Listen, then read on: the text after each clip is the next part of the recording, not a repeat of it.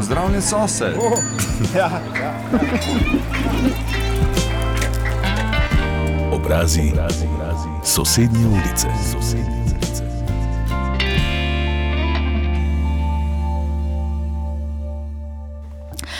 Naš tokratni gost je Mariborčan Uroš Mencinger, naš sogovornik je znan ocenjevalec restauracij, te za časnika večer in pa delo desetletja ocenjeval sončki in srčki. Vprašali ga bomo, koliko restauracij je ocenil in kako so ocenjeni gostinci sprejeli kritike. No, soprogo je ustanovil šolo okusu Vivi, je pobudnik tedna restauracij, sladolenta v času festivala Lent in dolgoletni tiskovni predstavnik tekmovanja tekmovanja za Zlato lisico. Gospod Mencinger, pozdravljeni in dobrodošli pri nas. Hvala lepa, pozdravljeni. Če se najprej lotiva ocenjevanja restavracij, ste torej kulinarični kritik, pa me seveda zanima, kako to postaneš, katere veščine, kakšne veščine moraš imeti? Ja, Pri meni je bilo večina bolj, eh, ker se je to začelo pač iz novinarstva, izhajalo torej v bistvu kot novinar eh, na večeru. Pravzaprav je bil takratni, eh, ko ste omenili tudi Zlato lisico, takratni vodja tiskovnega centra, pres centra Manfred Meršnik, je bil urednik tednik 7D. Eh, sedem dni, se je, mislim, takrat imenovalo. In je rekel, če bi pač neka, neko rubriko o kulinariki pisal, in tako se je pravzaprav to začelo. Sem potem začel tak, tam za najboljše jedi za lačne ljudi, po povodniku sem to imenoval. Pa. In tako so se pravzaprav tudi žena začela in sta prišla v to kulinariko. Res pa je, izhajalo, jaz vedno pač trdim, to je pač uh, oblika novinarskega prispevka. To seveda pa moraš, uh, ne na zadnje, tudi o gospodarstvu, o drugih zadevah, moraš kot novinar nekaj vedeti, moraš se spoznati na to, moraš imeti neko uh, znanje. Tako pa je tukaj v kulinariki, dejansko smo, smo potem skupaj vse to pridobivali, vedno bolj smo se zanimali za to in vedno bolj smo bila v tem noter. Ja. Mhm, in rad dobro jem je potem bila tudi ena rubrika. Ne? Ja, to pa je potem nastalo, rad dobro jem kot urednik te Mariborske redakcije na večeru. Uh, sem si potem tudi uh, rekel, da ja, potrebujemo za to Mariborski utrip ne, nekaj tudi kulinarično. Najprej sem iskal uh, avtorja, pa seveda potem nekako nisem uh, našel po tistem, kaj sem se mišel. Sem rekel, ok, potem bom pa tudi uh, glede na to na 7D, pa ker sem že v tem noter, pa sem začel potem tudi, ker pa kot urednik, pa na hkrati na isti strani mogoče neki komentarje. Uh, Politične tudi, ali kaj jaz vem, vse to je bilo še, so bili neki drugi časi takrat, uh, sem zato vzel, oziroma si izmislil pseudonim, rad dobro jem in ta se je, mislim, da kar močno potem prijel. Ja. Uh mhm. -huh. In radi dobro jeste? Eh, absolutno je to eh, v bistvu predpogoj. Ja. Pravzaprav bi moral, prej ko ste me vprašali, seveda res, da je izhajalo to iz novinarstva, ampak moraš eh, rad dobro jesti. Ja. Poudarek je seveda na dobro. Radi jemo pravzaprav vsi. Ja. In dosti ljudi reče, oj, jaz tudi rad jem. Ja, ampak pomembno je, da dobro ješ, da rad dobro ješ, rad In dobro, to pa pomeni, seveda, da se moraš za to enostavno zanimati. In to ne samo jaz, oziroma idva, ki to delava profesionalno, ampak vsak bi moral v bistvu za hrano se premalo zanimati, hrani premalo uh, pozornosti uh, posvečamo. To je uh, dejansko uh, znanje. Če želimo v hrani uživati, uh, če želimo res tudi dobro jesti, uh, zdravo in vse to, potem uh, nisem to, da poznamo mogoče ne dve, tri gostilne ali pa eh, da vemo, kaj nam je všeč, mislimo, kaj nam je všeč, ampak moramo se res biti radovedni, se za to zanimati in potem se ta svet uh, užitka odpira. Jaz moramo vsak dan. Ne? No, sončki in srčki so bile smernice gostincev, tako ste v bistvu ocenjevali ne, gostilne. Kako so bili ti sončki in srčki sprejeti? Eh, ja, sončke sem pravzaprav podedoval na eh, nedelu. Ja, eh, ko sem pa sam začel ocenjevati, smo potem vedno bolj prihajali na srčke, ja, ki, ki so potem, za, za kar je bilo potrebno narediti pravo metodologijo in vse tako, da mislim, da je to zdaj že seveda po tolikih letih vse že utečeno in to. In lahko rečem, mene to skrat sprašuje, ja, pa kak, kakšne težave so bili, seveda, kako negativno, ko nekoga uh, kritiziraš, pač, da ni dobro, nekaj takega, kak je bilo. Seveda, veseli niso vsi pa to, ampak jaz nekih takih izkušenj, da bi me ravno lovili okoli, pa to nisem imel. Danes naravno nekaj, ko sem bral v časopisu pač kronika, pa črna kronika, pa nekaj sodišča, pa to, pa v nekih boksarjih, pa ne vem, čem sem, pa sem se jaz malo tudi svojih začetkov novinarskih spomnil, ker sem začel kot športni novinar na večeru. Takrat vem, da so me kar nekateri mojstri borilnih veščin iskali, ko sem kako neko reportažo ali pa nekaj napisal iz njihovih nekih tekmovanj, ampak torej pri kulinariki pa nisem imel teh težav, čeprav so bili včasih kakšni klici, oziroma dobiš mogoče tak od nekega tretjega direktno niti ni, ampak v glavnem, v glavnem pa res ves čas se pač trudiva, da to delava iz pozitivnega vidika. Ne da hvaliva, ampak pohvaliva, poiščeva tisto, kar je dobro, seveda poveva, kar ni v redu, ampak vedno iščeš pozitivno. Ker ne gre za to, da bi hoteli vedno jesti najboljše, najbolj vrhunsko za, za ne vem koliko zvezdic ali česa ali pa srčkov, ne, mi včasih, zato so srčki, jih je pet in dostikrat seveda je skorajda, bi rekel, jaz bi rad jedel vsak dan za en srček, tu pa tam pa za več, pa potem do tega moramo priti. In mislim, da, da je to, da, da gostinci vedno bolj seveda to razumejo tudi tako, da ni pomembno, da so vsi najboljši, ampak seveda dobro mora biti. Torej kriteriji me zanimajo, niste ocenjevali samo hrane, pač pa tudi ambient pa postrežbo, ne, in še kaj, vino?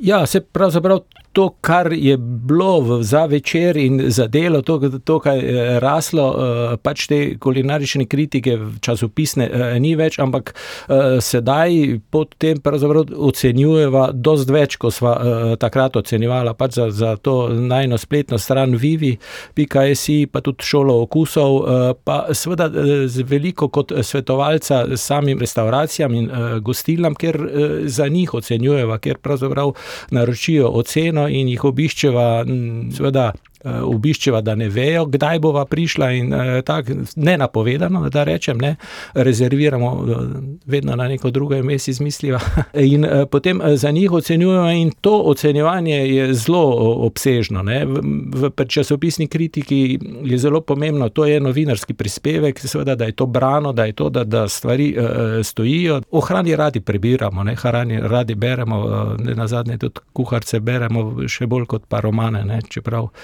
po svoje recept dolgočasen, ampak očitno to radi beremo, če pa seveda potem še nekako napisano tako dopadljivo, je to kulinarična kritika, je po vsem svetu so v bistvu to brane samo, ne, ne iz strokovnega vidika, ampak enostavno, ker je to fajn brati, pa čeprav mogoče tiste restavracije ne boš nikoli obiskal.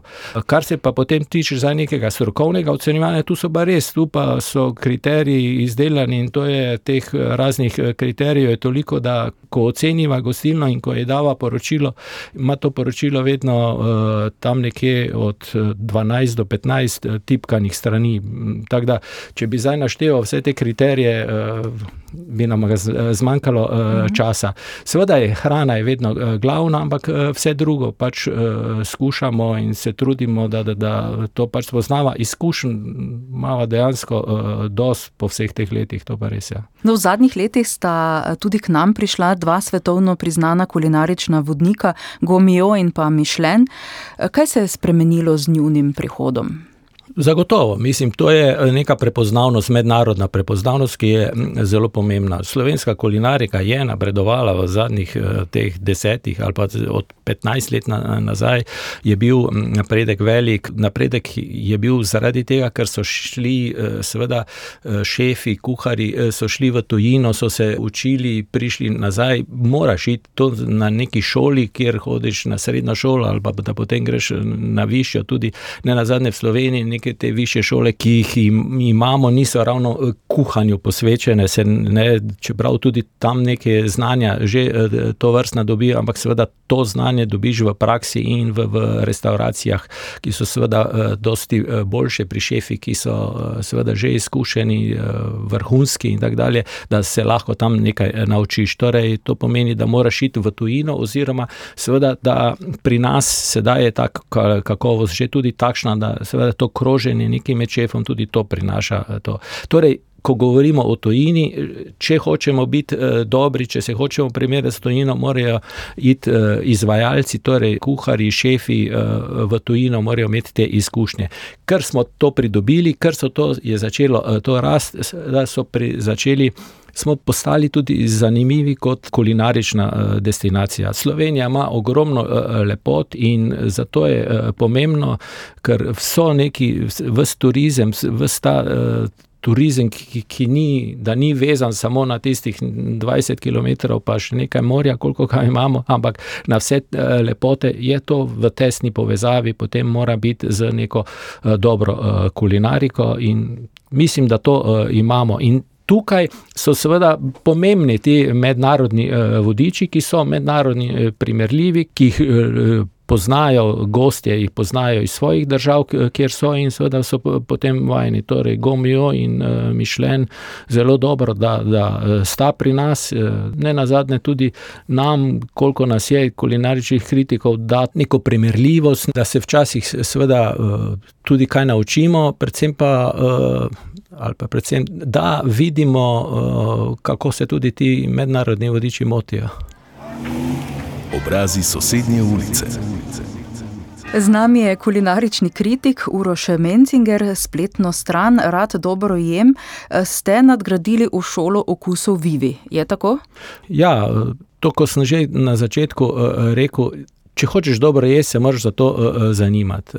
ja, in vse to znanje, ki, ki v iz vseh teh let, vsi ti obiski, vse to kuhanje, vse, vse o tem, to branje, ne vem, koliko knjig, v bistvu jaz pravzaprav ves čas vsaj ene hkrati berem vsaj ene tri kulinarične knjige, seveda imava revij, imava vseh teh raznih kuharskih do, do znanstvenih, ki se ukvarjajo s kulinariko, to je dobesedno seveda živiva res to in to je ogromno znanja, zato to znanje pač potem kot novinar pa tudi pač poskušam, koliko je seveda časa, in to posredovati preko spletne strani, ker mislim, da, da se da tudi na ta način ogromno naučiti, ker ne gre za, ko ljudje slišijo šola okusov, pravijo: "Ja, kje imate tečaje, da se lahko nekaj naučim?"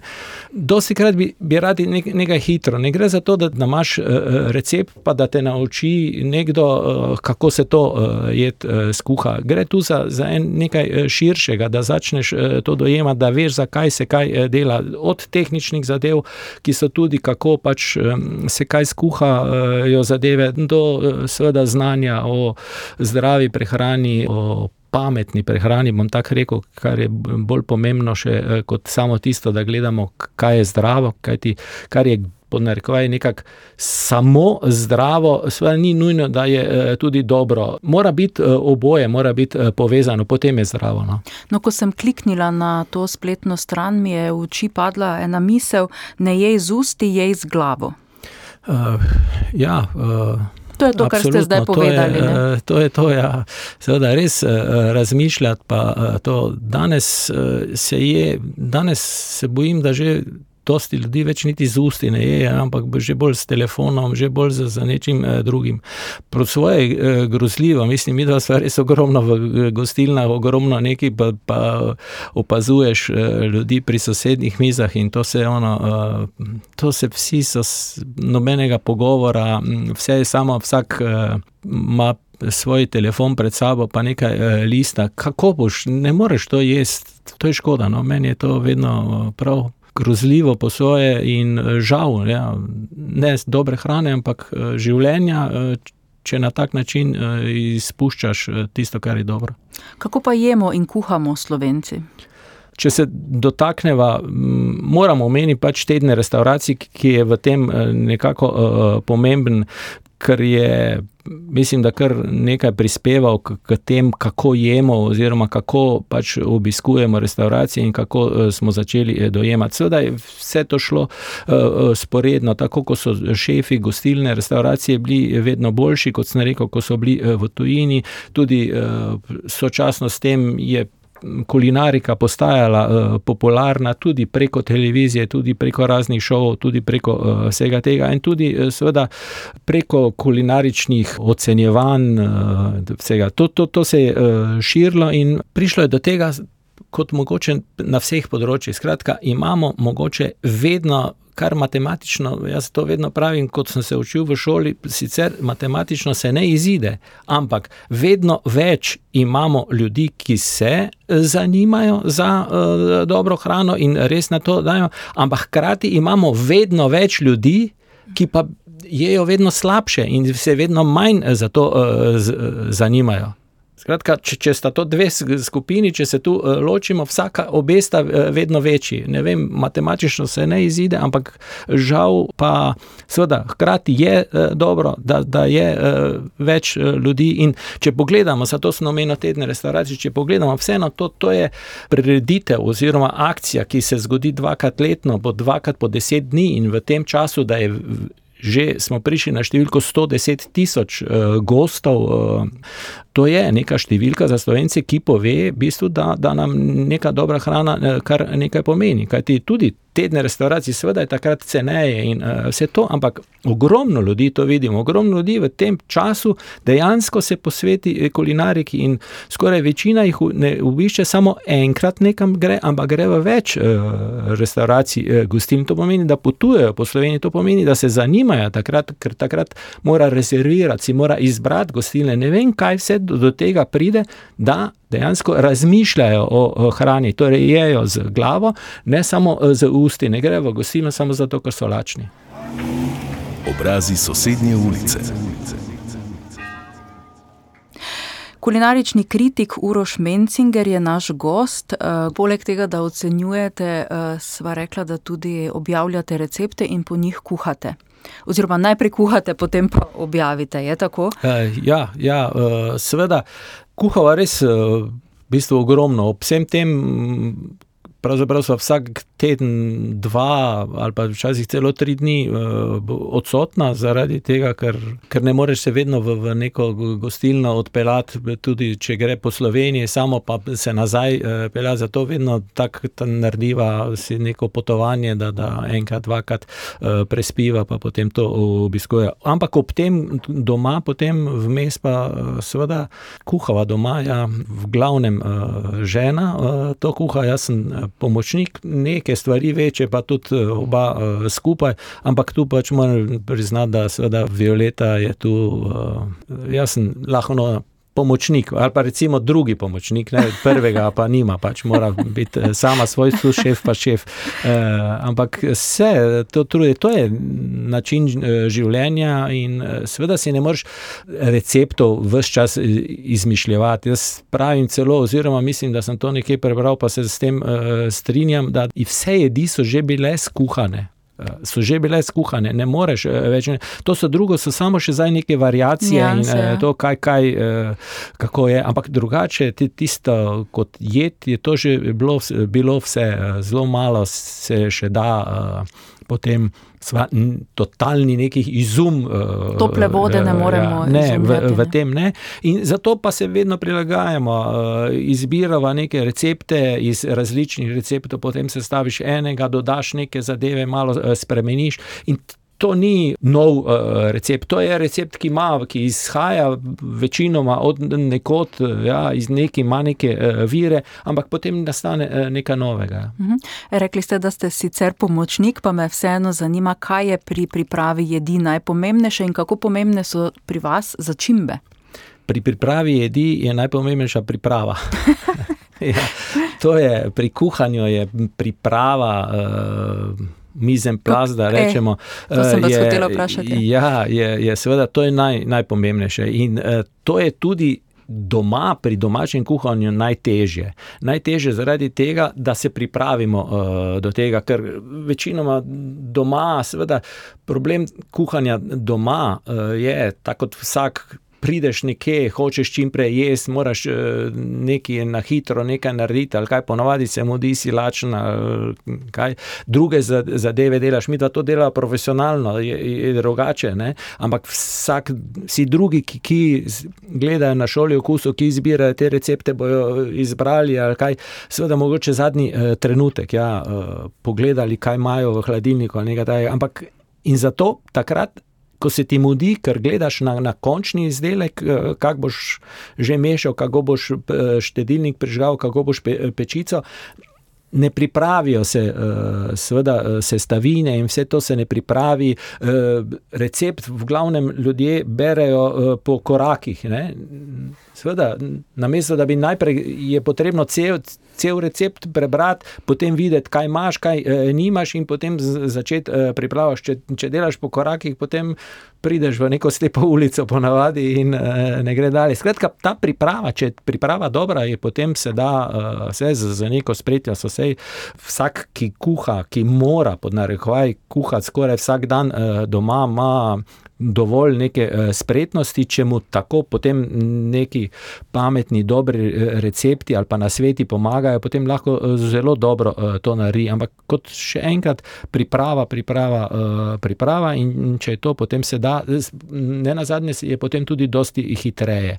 In še kaj, zakaj sem omenil priprava? Zaradi tega, ker pravim, da če govorimo o kuhanju doma, Ni to dobro, da je samo ena kuharica oziroma en uh, kuhar, da, da tu pride do nekega uh, sodelovanja. Neka pomoč uh, je potrebna. Tam, tam kjer večinoma uh, ja, je to kuharica, to je ženska, je tako pač uh, še zmeraj je, je to. In če je sama prepoščena, pa otroci, pa mož, pa to, pa družina, pa čakajo, pa, pa ropotajo po mizi, kaj, uh, lačni. Uh, če, da, potem je težko uh, nekaj nekaj nastane. Če pa pride do nekega sodelovanja ravno pri pripravi, kjer lahko nekdo drugi še kaj nareže, kjer eh, lahko kaj prinese, kaj, eh, da se eh, to naredi, potem pa je zato snjas tisti drugi pomočnik. Eh, tukaj pač vedno gledam, da, da ne bobnam po mizi, ampak da sodelujem. Ja.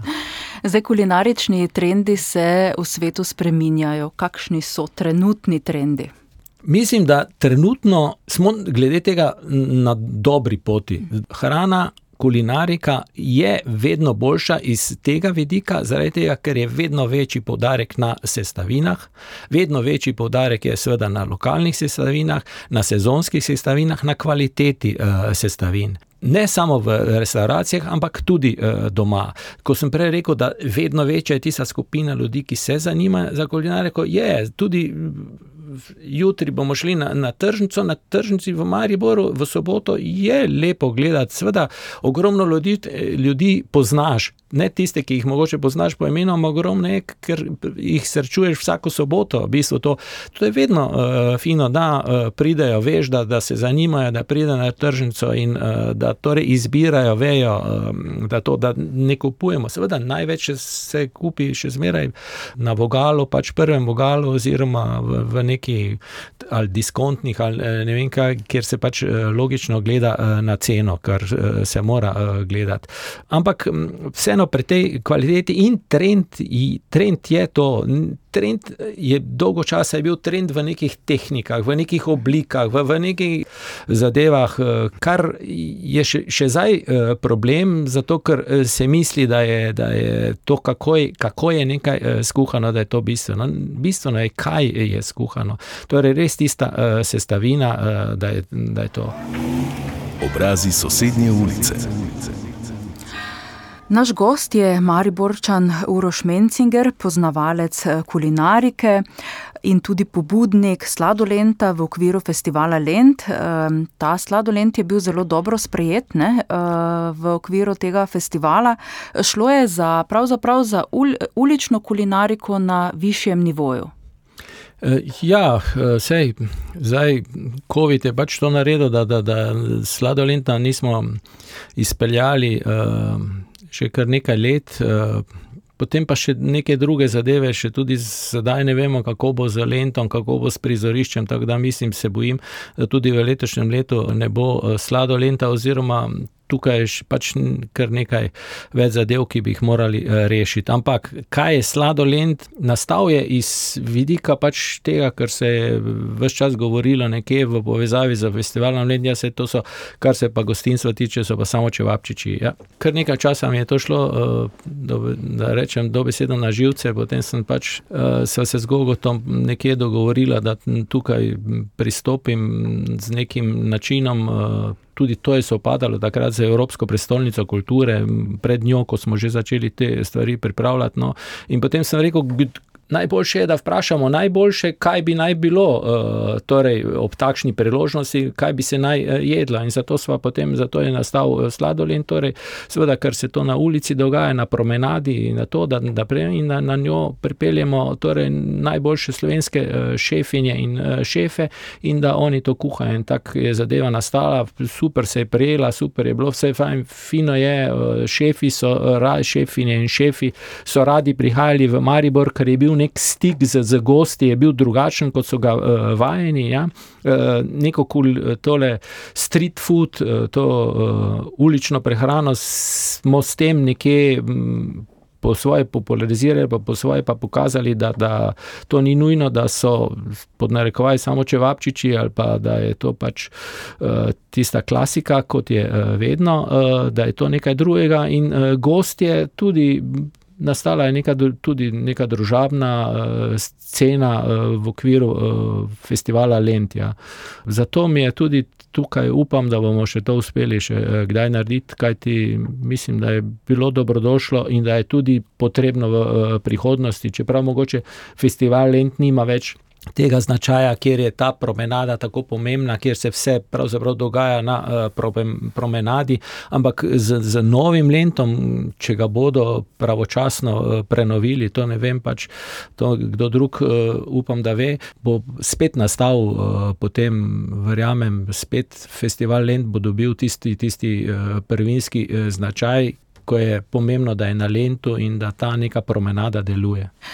No, omenili ste epidemijo, po njej so se stvari močno spremenile. Če smo predtem doživljali nekakšen kulinarični razcvet, se danes gostinci borijo z odhajanjem uh, kadra, gostilne se zapirajo. Kako gledate na to? Ja, po eni strani, v bistvu, seveda, koliko časa je ta COVID, pa ta epidemija, koliko časa je to uh, trajalo, je pravzaprav. Uh, je gostinstvo zelo dobro preživelo, seveda se je eh, zaprlo eh, nekaj gostiln, nastali so kadrovske težave, pa so nastali, ampak že zdaj, ko je seveda skoraj leto dni, da smo izven tega, se vidi, da, da vseeno. Pri najboljših, vseeno ni več nekih takšnih strašnih uh, posledic. Tudi glede uh, kadrov in vsega tega so se zadeve uh, ščistile. Enostavno zaradi te epidemije in v času epidemije je res veliko gostinskih delavcev, predvsem na takarski kadri tudi, uh, tudi kuhari, so enostavno zamenjali poklice ja, in se, se niso uh, vrnili. Ne. Ampak uh, nekje najboljši, tisti, ki so bili, seveda težko grejo ven, enostavno ven iz tega, kaj ti ne moreš biti najboljši, če, če tega ne živiš, če, če ni to del tvojega uh, življenja. In če je del tvojega življenja, potem težko tudi uh, menjaš, potem težko postaneš. Eh, pod narekovaj malar ali pa nekaj uh, takšnega. Tako da, glede tega se izboljšuje, seveda se je nekaj se jih je uh, zaprlo, se še uh, zapira, ampak mogoče smo tudi pozabili, da se vedno se uh, restauracije, gostilne uh, zapira slišim, zdaj pač v letošnjem letu se bo zaprla ena tudi za Mišilenovo zvezdico. Pač to, ampak to se. Po celem svetu se uh, to dogaja, tudi visoka kulinarika, uh, skratka, ni poceni, čeprav za gosta, tudi, seveda, ko reče, ni poceni, um, neki degustacijski meni, cene, seveda, so se zelo povečale, povišale uh, v zadnjem času, ampak To je posod, eh, pač eh, seveda, to je drago. Za gosta in za uh, gostinca, uh, če hočeš na, na tem nivoju, če hočeš vse to uh, tako delati, zato pač prihaja do tega. To je, koliko pač gosti lahko prispevamo, je to, da, da se za to res poskušamo zanimati, da se za to ne zanimamo iz vidika samo to neke popularnosti, nekaj to pa, da poskušamo to, ampak jaz pravim, enkrat na mesec če greš v neko restauracijo iz radovednosti, da, da malo zaradi tega potuješ, je že uh, ogromno. Je že ogromno in vedno se spomnim uh, ta znana eh, šefinja, ki je bila najboljša na svetu, že pred uh, Ano Roš, Arzakova, uh, mi je pred leti uh, rekla, evo, tukaj v tem našem mestu 500 tisoč uh, prebivalcev uh, ima, ampak ti, jaz imam srečo do, zaradi tega, ker od teh 500 tisoč želijo biti vsi, vsaj enkrat, pa ne samo pri meni, ampak ker je pač eh, več, ogromno je tam eh, top eh, restauracij, ker se zanimajo res za to, ker je ta kultura, kultura kvalitetne kulinarike, kvalitetne prehrane tako visoka, da pravzaprav bi šlo tudi brez tujcev, brez turistov, brez tega, ker, ker jih je. Slovenija, gremo tudi, vse se vedno bolj ljudje zanimajo, zato pravim, te tedne restauracij, pa sto, več kot 100 tisoč gostov v 20 dnevih, je to je ogromno in kaže na to, da se tudi pri nas vedno bolj zanimajo. In tukaj je potem stvar samo to, da se pač ločijo boljši od slabših.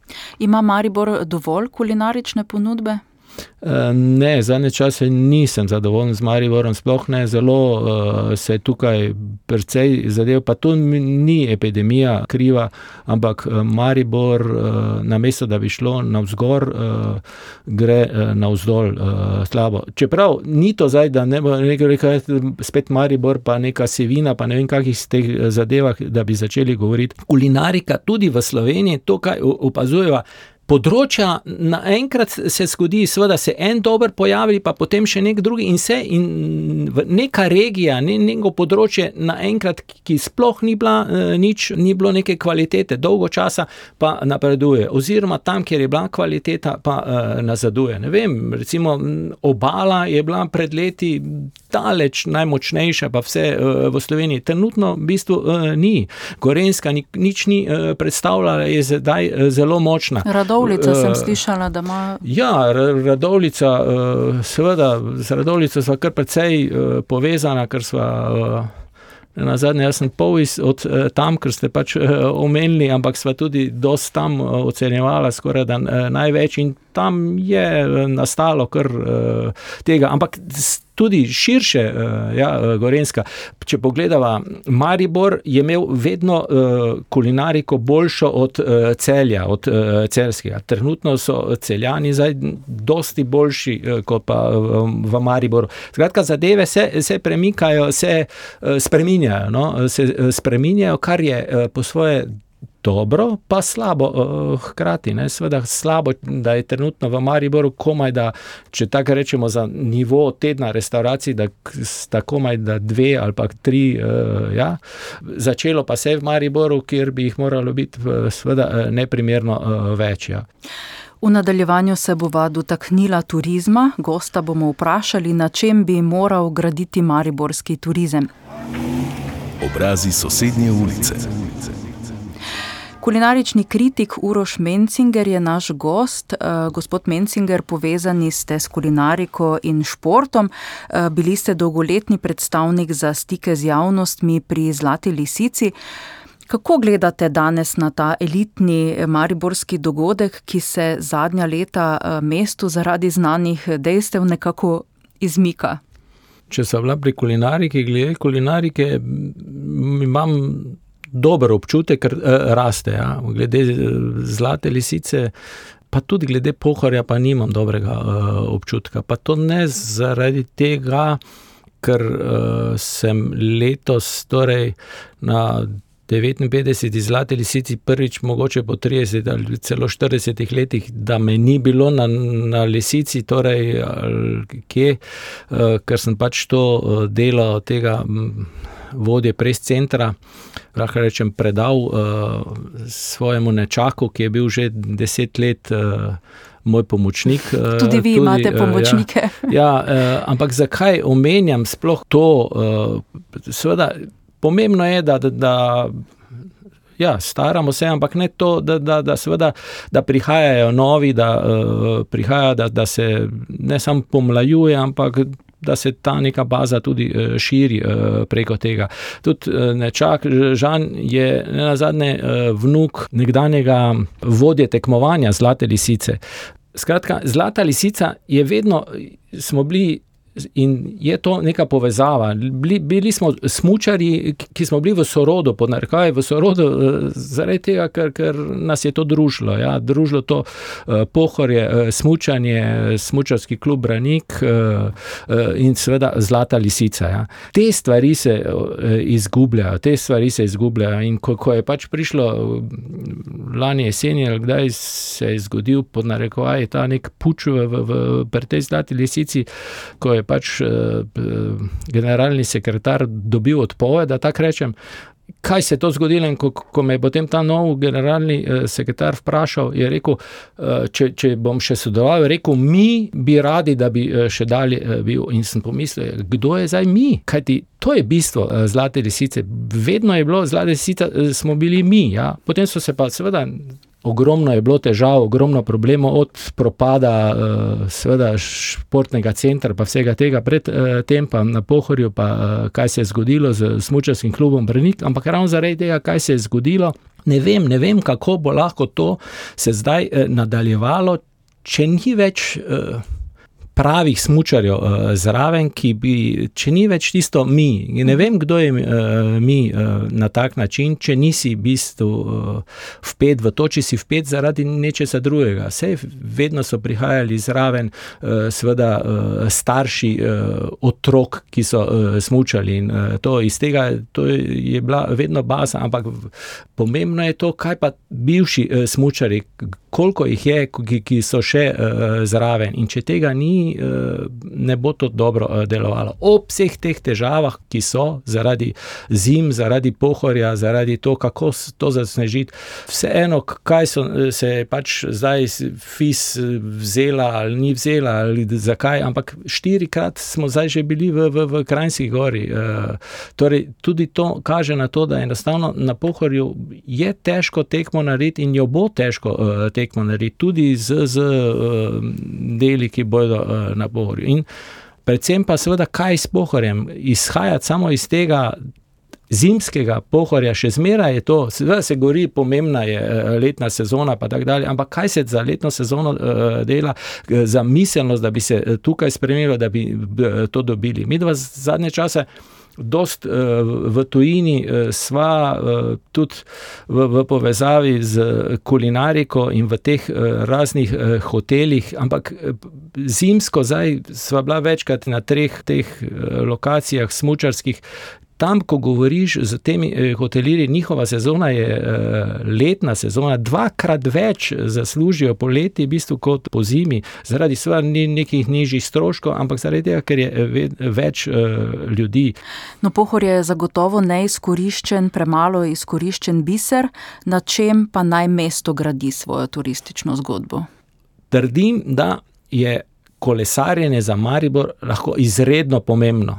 Pa če smo bila prej pri uh, Pohorju, v tujini je vedno bolj uh, kolesarjenje, je skoraj več uh, nas v smočarskih centrih zaslužijo od kolesarjev, kot od uh, pozimi od uh, smočarjev. Že uh, prihaja uh, do tega. Torej, ok, potem imamo na Pohorju imamo to progo, ki jo imamo, celo svetovni pokal, nekaj tajega. Ampak.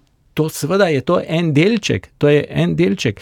Maribor se mora to uh, vključiti kolesarjenje v Mariboru bi lahko to pomenilo, da bi res ljudje prihajali, ampak to pomeni, da pridejo kolesari, ki so stari. Tri leta, pa ki so stari 83 let ali pa 93. Uh, eh, ja. Vse to, vse ti morajo imeti, seveda tisti od 40 pa starejši se ne morejo pelati že po tej downhill progi iz uh, Pohorja. To je samo ena od prog, ki, seveda, ki je pomembna za svetovni pokal, pa nam naredi uh, promocijo v tujini, tako kot Zlata lisica. Ampak tukaj mora biti, mi smo ja, od uh, Pohorja do, do uh, Goric, do, do, do, do Avstrije, do, do uh, Svečine, do, do, pa tudi uh, do Prekmurja, ne vem, kje je zelo blizu. To so vse kolesarske relacije, ki, ki so uh, možne, ampak potrebujemo seveda to neko infrastrukturo, osnovno infrastrukturo, ki ne rabi biti ravno, da bojo kolesarske, uh, te kot neke avtoceste kolesarske, uh, ne vem kakšne, ampak vsaj označbe na pohorju pa že toliko časa uh, hodim na pohorje, pa, pa uh, tudi eh, kolesarjem, ampak jaz se še zmeraj zgubim na pohorju. Vse ne, obstaja, ne, pa, pa imaš tudi nekaj zemljevid, pa, nekaj, pa imamo vso tehniko, pa na, na rokah, pa v, na nogah, pa ne vem, kaj vse imamo, ampak še zmeraj pohorje, še zmeraj tako, da se lahko zelo hitro uh, izgubiš. Torej, Infrastruktura pomeni vse to, da, da naredimo neke uh, pametne kaži pote, pa da bojo, uh, potem, potem se bo odkrilo, da je pohorje ne, ne potrebuje snega, ker eh, ima uh, vse to. In ko bo pohorje delovalo, seveda, torej, uh, poleti, ko bo Maribor z tem povezan, ko bomo povezali pohorje in ko bomo povezali uh, vinograde in uh, to, in še z Avstrijo, ker se potem še stvar razširi, ker potem bomo od tam uh, tudi uh, dobivali. Ko bomo to naredili, bomo potem tudi, seveda, imeli po zimi nekaj, da bomo lahko eh, zimo kvalitetne naredili to infra, zimsko infrastrukturo. Zdaj smo torej govorili o turizmu, eh, zanima me še nekaj, kaj počnete, ko ne raziskujete kulinarike, kolesarite. Eh, ja, torej kolesarjenje je tista oblika, s katero pač se trudiva, ja, da, da lahko jeva. Ja, torej, ko potujeva med gostilnami, imamo kolesa, v glavnem kolesi, v glavnem vse čas zraven, torej, eh, da, da vmes med eh, kosilom in večerjo eh, kolesarimo. Pa, to, to, je, to je neka oblika, seveda tudi. Nekega drugega športa, ki to to je pač postal najboljši šport, In zato sem ga tudi prej omenil, zato ker ga lahko vsak se s tem uh, ukvarja. Vsak se s tem ukvarja in uh, uh, kolesari in tudi ni to drago, ni to, eh, to, to je eh, kolesarjenje. Drugače pa seveda eh, mislim, da smo kar v Radvanju znana po tem, po sprehajanju psa, zato ker je ta cesta, zdaj ko so odprli to neko novo avtopravnico, pa sem prav prebral, da so ugotovili, zakaj so tam postavili, zato ker se na dan pelje tukaj 30 tisoč vozil, ne? pa stanujemo ob tej cesti, vse jo slišimo, to cesta vedno, ampak 30 tisoč je res grozljiva številka, ampak to se jih vse čas, uh, skratka, mimo vozijo in mi se pač nekako tu eh, sprehajajo z psom, ampak s sosedovim, uh, vedno, ampak to je mogoče druga zgodba, da ne bo preveč. Še, in skratka, vidijo, kaj. In tudi to je, nekako aktiven moraš biti, vsak, da si seveda ne moreš tudi če rečemo, ne moreš dobro jesti, če nisi uh, malo uh, aktiven uh, fizično in, in tako, in ni potrebno.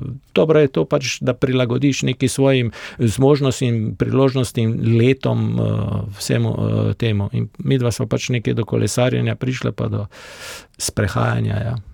Gospod Uroš Mencinger, hvala, da ste bili naš gost. Ste. Uh, postali lačni? Malo pa že. Hvala vam. Odajo smo pripravila Simon Šprajcer in Nataša Kuhar. Obrazi, obrazi, obrazi. sosednje ulice.